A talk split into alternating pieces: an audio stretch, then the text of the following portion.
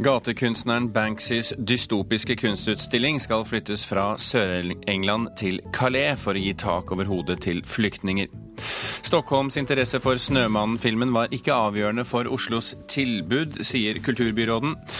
Og innføring av sosiale medier som arbeidsverktøy i store organisasjoner kan skape mer arbeid istedenfor mindre. Du hører på Kulturnytt med Birger Kålsrud Jåsund i studio. Og vi begynner med å vende blikket til Sør-England og den populære, men dystopiske kunstutstillingen Dismaland.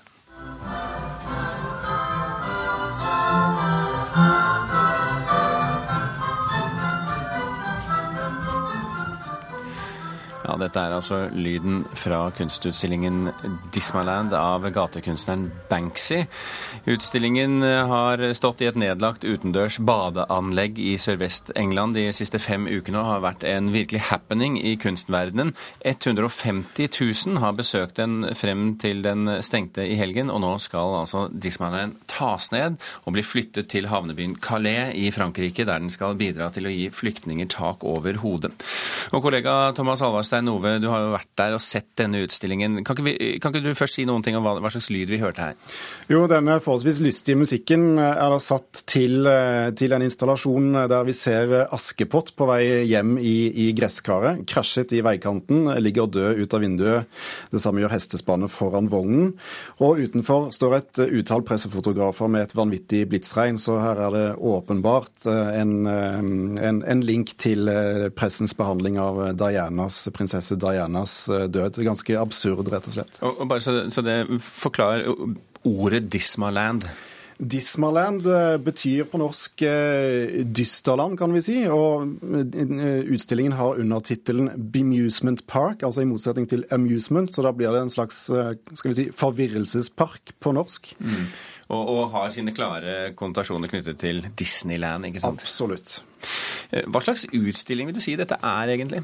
Jo, det er, handler da om en, en, slags pastisj på Disneyland. Eh, dette Diana-verket med Askepott, eh, det står inni et, eh, et, en slags kopi av dette Disneyland-slottet vi kjenner fra alle filmene og Disney sine filmer i starten.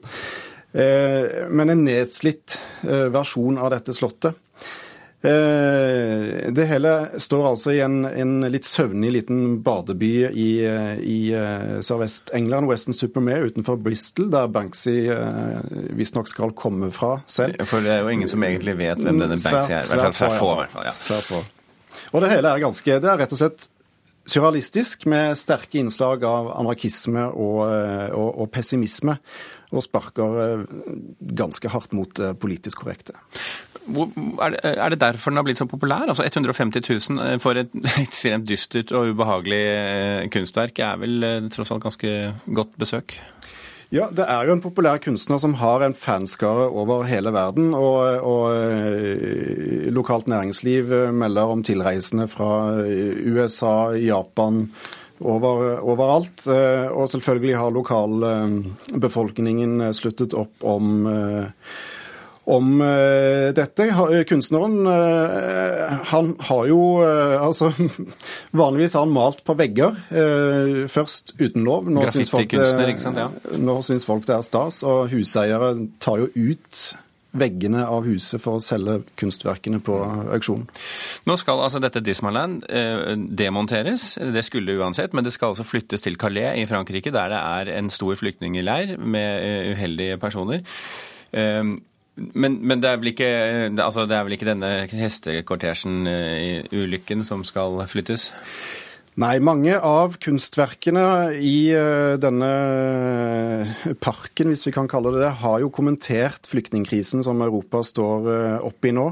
Og det som nå skjer, er altså at Eh, store deler av utstillingen, altså det som kan eh, Det som har konstruksjoner med tak, om det så er små slott, campingvogner, telt, eh, hva det skal være, blir nå altså flyttet til denne adhoc flyktningleiren i, i Calais, der flyktninger samles for å forsøke å komme seg over Den engelske kanal.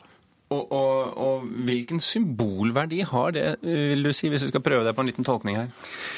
Ja, det, det, det, blir jo på en måte å sette kunsten ut i livet. da, i, Å gjøre kunsten til praktisk, eh, praktisk, handling, rett og slett. Og Nå kom jo denne nyheten i går, så det er ikke sikkert at vi, vi har ikke klart å finne noen eh, reaksjoner i Frankrike ennå. Det kommer kanskje utover dagen. Tror du det blir like populært i Frankrike, i Calais? Spørs om borgermesteren i Calais kommer til å klippe snoren på utstillingen. De har sagt det vil ta tre uker å, å ta ned uh, Dismaland fra, fra utstillingsstedet i, i Western Supermare. Og så får vi da se når det dukker opp i uh, Calais. Kan hende det kommer mer om dette også i Kulturnytt. Thomas Alvarstein Ove, takk for at du kom i studio.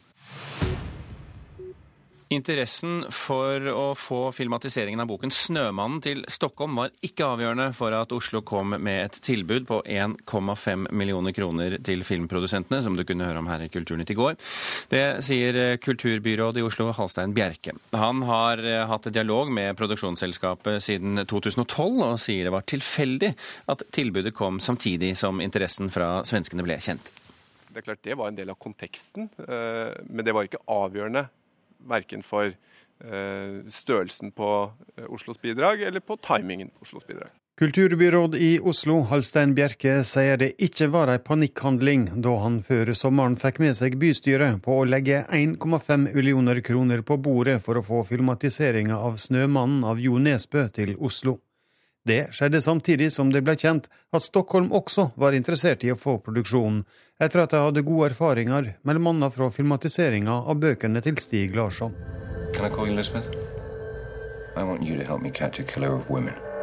Men selv om Stockholm, som NRK kunne fortelle i går, ikke har kommet med et formelt båd til filmprodusentene, er interessen stor. Bjerke har fått tilgang til brevveksling som viser at svenskene kan legge store beløp på bordet om Stockholm blir innspillingsstad. Ja, det, det, jeg kan si er at det, det, første av de er fra november 2014. Eh, det siste av de er fra forrige uke, hvor de oppsummerer hva som er eh, summen av de svenske bidragene PT. Ehm, og det jeg kan bekrefte, er at eh, uten tvil er stor interesse i Stockholm for å få filmatiseringen dit. Eller deler av filmatiseringen dit. I Oslo er forhandlingene som kan føre til maktskifte i byen, i gang. Arbeiderpartiet var i går kritiske til Bjerke, og mente at han hadde feilinformert bystyret. Men bystyrerepresentant Victoria Marie Evensen i kultur- og utdanningskomiteen understreka i Dagsnytt 18 at det også er viktig å få Snømannen til Oslo. Det som jeg tror vi eh, alle sammen er eh, opptatt av, er å få Harry Hole til Oslo, og det er bra. Og så mener jo jeg at vi trenger enda større ambisjoner enn som så for å faktisk få Oslo til å bli en attraktiv filmby, fordi det er bra for Oslo, det er bra i businessperspektiv, og bra for stolthetsbygging, ikke minst. Mer vil ikke Arbeiderpartiet si om Snømannen så lenge de sitter i forhandlinger. I mellomtida er det kulturbyråd Halstein Bjerke som holder i tømmene, og han har tro på at filmatisering av 'Snømannen' kan starte i Oslo til neste år. Nei, vi har god dialog, eh, og de kommer snart på besøk eh, til Oslo. Eh, så for hver dag som går, så blir jeg litt mer optimist på at vi skal klare å dra dette i land. Halstein Bjerke, kulturbyråd i Oslo altså, enn så lenge. Og reporter her, det var Espen Alnes.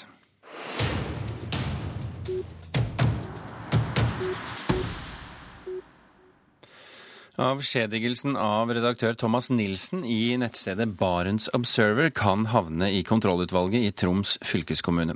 Nilsen fikk sparken med øyeblikkelig virkning i går. Redaktøren og styret har hatt en lengre konflikt gående om hvilken påvirkning eierne kan ha på innholdet i nettavisen. Den eies av de tre nordligste fylkene og får også støtte fra Utenriksdepartementet. Leder for kontrollutvalget i Troms, Jon Karlsen, vil nå ha en gjennomgang av saken. Nei, eh, Nå vet jeg jo ikke årsaken til eh, det som er skjedd. Men eh, det vil vi finne ut av. Og jeg vil be om at saken kommer til kontrollutvalget, slik at vi kan se på, på saken igjen. Vi hadde den en gang tidligere der, og vi vil ta den tilbake igjen dit. Universitetet i Oslos gigantprosjekt Norsk ordbok blir ikke fullført med en brukerveiledning, på tross av at universitetet mottok øremerkede midler for å lage veiledningen. Ordboken på tolv bind inneholder over 300 000 oppslagsord over norske dialekter. Og kulturminister Toril Vidvei sier til avisen Klassekampen i dag at det er sterkt beklagelig at universitetet ikke vil prioritere arbeidet med brukerveiledningen. Universitetet selv sier at en separat veiledning aldri var en del av oppdraget. Og flere utenlandske spillselskaper reagerer på at toppblogger Sofie Elise Isaksen promoterer Norsk Tipping i et betalt blogginnlegg. Dette kommer etter at Norsk Tipping og Lotteritilsynet har vært kritiske til at utenlandske spillselskaper bruker norske kjendiser som reklameplakater. Norsk Tipping sier til Dagens Næringsliv at blogginnlegget ikke var initiert fra dem selv, men skjedde gjennom en avtale med nettavisen som toppbloggeren blogger for. Verden er full av sanger som aldri blir hørt fordi myndighetene i de respektive land mener de er farlige. Artisten Moddi Knutsen har funnet over 400 av dem, og er nå i gang med å spille inn tolv til et nytt album. Til og med i Norge fant han forbudte sanger. Altså, Først så tenkte jeg kanskje at dette her var et ganske marginalt uh, opplegg. At jeg kom til å finne en tre-fire sanger, og så kunne det på en måte være noe jeg kunne spe på meg på konsertene. Men så begynte jeg å lete eh, rundt omkring på det store internettet, og det viser seg jo sanger og dikt og tekster har jo blitt sensurert i hopetall i hver eneste sivilisasjon eh, siden tidenes morgen. Paul Moddi Knutsen med sangen om den israelske offiseren Eli Geva, som i 1982 nekta å lede soldatene sine inn i Beirut. Da visesangeren Birgitte Grimstad skulle framføre sangen under en turné i Israel, fikk hun rett og slett ikke lov av konsertarrangørene. Nå lager Moddi ei plate med flere forbudte sanger, henta fra land som Kina, Russland, Mexico og England.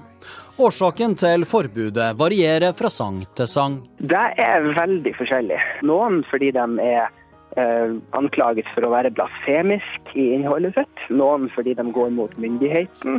Noen fordi de rett og slett bare er elendig tima i det de gis ut. Noen grovt språk osv. osv. Men, men det, som, det som som oftest viser seg, er jo at det, det er et maktspill bak dette. her. At, eh, at, at sangene målbærer et eller annet budskap som, som offentligheten ikke tåler. Et uh, budskap som offentligheten ikke tåler, f.eks. sanger som hyller meksikanske narkobaroner, eller sanger som ble forbudt i England i forbindelse med Gulfkrigen. Til og med i Norge har Moddi funnet forbudte sanger, den samiske tyven og sjaman fra midten av 1800-tallet. Kolonialisering er noe man ikke tenker på som typisk norsk, men det er en sang som viser så utrolig tydelig eh, hvordan det norske bare overkjørte alt det samiske på den tida. Etter å ha lett i et halvår satt han igjen med ei liste på rundt 400 forbudte sanger. Tolv av disse blir nå til ei plate som Knutsen gir ut i 2016. Sjøl kaller han det en hyllest av motet til de som skrev dem. Jeg støtter ikke nødvendigvis de her tolv tekstene eh, politisk, men eh, syns allikevel at det er viktig å stille seg de her spørsmålene. Hva er det vi ikke får høre? Hvordan ytringer er det som ikke når offentligheten? Svaret er det er ganske mye vi ikke får høre om. Pål Moddi Knutsen til reporter Rune Norgård Andreassen. Klokken er 16,5 minutt over åtte akkurat eh, der. Du hører på Kulturnytt, og dette er toppsakene i Nyhetsmorgen nå. Obama og Putin er sterkt uenige om hvordan Syria-konflikten skal løses. Likevel fortsetter samtalene om et samarbeid i kampen mot IS. Politiet vil ha mer informasjon for å kontrollere skytterklubber. Ønsker å vite mer også om passive medlemmer av klubbene.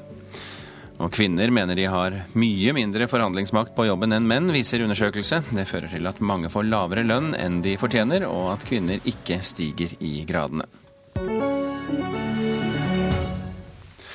Innføring av sosiale medier som arbeidsverktøy i store organisasjoner kan skape mer arbeid istedenfor mindre. Det er en av konklusjonene i en ny doktorgradsavhandling ved Handelshøyskolen BI. Ifølge forsker Lene Pettersen vil nemlig ikke innføringen av sosiale medier på arbeidsplassen på magisk vis løse de kommunikasjonsproblemene de er ment å løse. Det er ikke noe sesam sesam ved å innføre sosiale medier. fordi aller først så må du finne ut hvorfor i all verden du skal investere i denne teknologien. Og hvorfor skal vi bruke ressurser internt på å få det opp å stå. Hvorfor skal vi sette i gang eh, ulike kommunikasjonsprosesser. Man må ta et stort skritt tilbake, og så må man lage, eh, ha, en strategi her, da. Noe av det sosiale medier har blitt forespeilet å gjøre, er å erstatte arbeidsverktøy vi har i dag. Det er ifølge Pettersen ikke så enkelt som det høres ut. En samhandlingsteknologi eller sosiale medier tenkes at man skal overta en del av det e-postfunksjonen har gjort da, tidligere. Fordi vi får jo som kjent mye e-post i dag.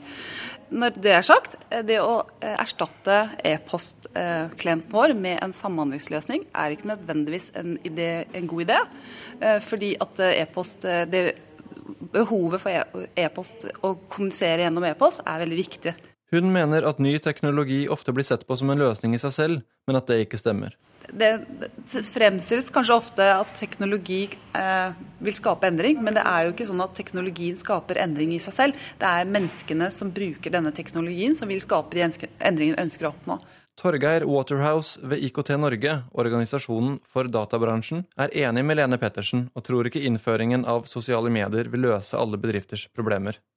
Nei, Det er jeg ganske sikker på at det ikke gjør, hvis du tenker one size fits all.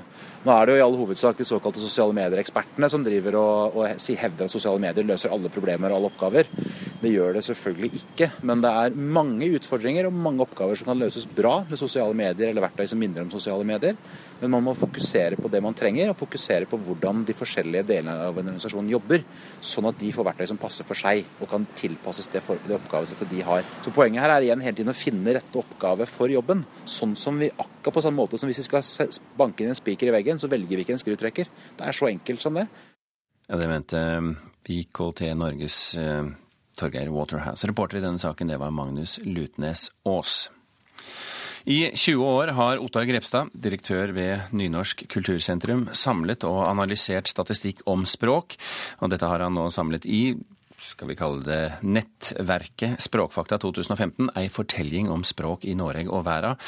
For hver morgen frem til midten av eh, oktober legger han ut et nytt kapittel på nettstedet Åsen Tune. Ottar Grepstad, velkommen til Kulturnytt. Takk skal du ha. Skulle du gitt ut dette som bok, har jeg regnet meg frem til at den eh, ville blitt ganske tykk. 1700 sider. Du må forklare hva slags verk dette er. Dette er um, en, den største dokumentasjonen av sannsynligvis ett enkeltspråk i verden. Det kan hende walisisk er like godt dokumentert, men så mange andre er det iallfall ikke. Uh, så Dette inneholder 867 tabeller, uh, og de er ute i 1350 A4-sider. Og så er det en 350 sider tekst der vi kommenterer, analyserer og forteller om tendensene i dette svære materialet. Og Det er så mye stoff her at uh, vi fant ut vi legger ut et kapittel hver dag, slik at en kan få med seg iallfall noen av høydepunktene. Og I dag så er det dansdelene som er tema. Hva er høydepunktene? Ja, høydepunkter er jo mange da, selvsagt. Men jeg har framheva Da må vi jo si, må vi jo si at det er høydepunkter for den språkinteresserte, vel å merke. Veldig språkinteresserte. Ja, det er høydepunkt for andre også. Vi, kan, vi, har tatt for oss alle sangene i Melodi Grand Prix, både den norske finalen og den internasjonale finalen. Uh, og Det syns jeg er et kuriøst høydepunkt, fordi der presser jo engelsk ut bokmål i Norge, og engelsk presser ut alle andre språk i de europeiske finalene. Uh, og Det er for meg et eksempel på hva som skjer når en innfører valgfridom på den språkmarkedet som dette dreier seg om. Men, et, et norsk høydepunkt, eller et viktig punkt, da, det er ikke et høydepunkt, men et viktig punkt, det er at uh, var jeg bokmålsbruker, så ville jeg ha vært bekymra. Hvorfor det? Eh, fordi bokmål er under press eh, fra engelsk i akademia og i næringslivet. Men bokmålsmiljøet tar ikke det særlig alvorlig. Og Det håper jeg de vil gjøre, fordi nynorskbrukerne er helt avhengig av at vi har et sterkt bokmål i Norge. Og bokmål er da Det er ingen som tar, gjør noe særlig med dette. Det så vi alltid i språkåret 2013. Det var vanskelig å få bokmålsbrukerne til å feire sitt eget språk. Ja, hvorfor er det blitt sånn, tror du?